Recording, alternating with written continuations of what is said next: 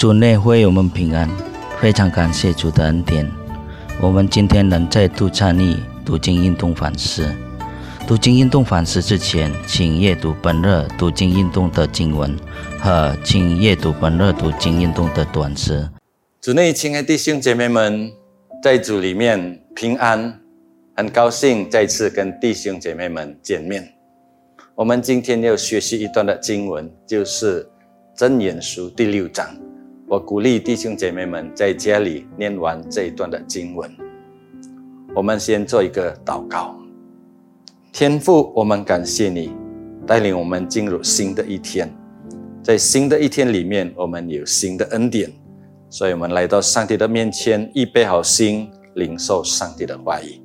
求上帝高摩你的仆人，也高摩每位听到的弟兄姐妹们。祷告感谢，奉主耶稣基督的名求。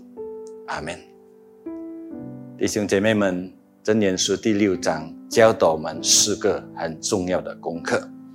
第一个功课就是在与人交往必有智慧；第二个功课在工作上不可懒惰；第三个功课在行为上不可作恶；第四个功课在圣洁上。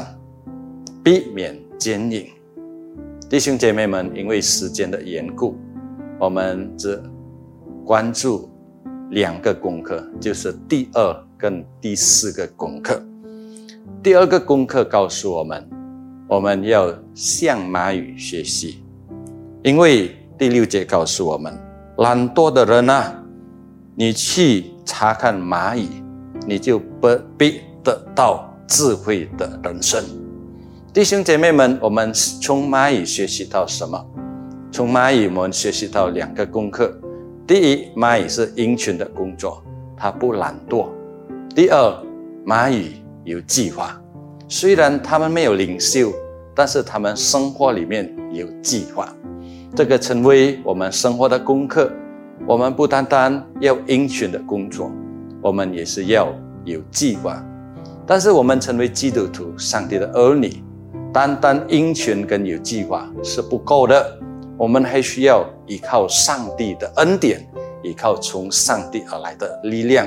所以，我们成为上帝的儿女，我们需要鹰群，我们需要有计划，我们也是需要来到上帝的面前，向上帝祷告，读上帝的话语，知道上帝的心意，靠着圣灵的带领，我们过着得胜的生活。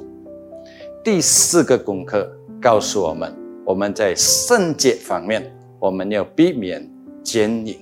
为什么？因为犯奸淫的人必定得到上帝的刑罚。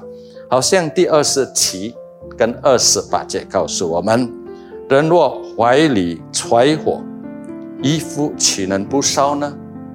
人若在火炭上走，脚岂能不烫呢？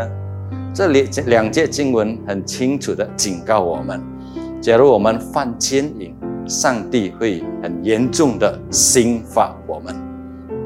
弟兄姐妹们，我知道我们今天的世界是邪恶的世界，我们到处会得到魔鬼的引诱。我们能够怎么样能够胜过魔鬼的引诱？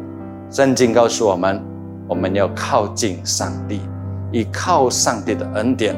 多读经，多祷告，多依靠圣灵。祷告能使我们胜过引诱，读经能够使我们的信心刚强。依靠圣灵的带领，能使我们过着一个有智慧的人生。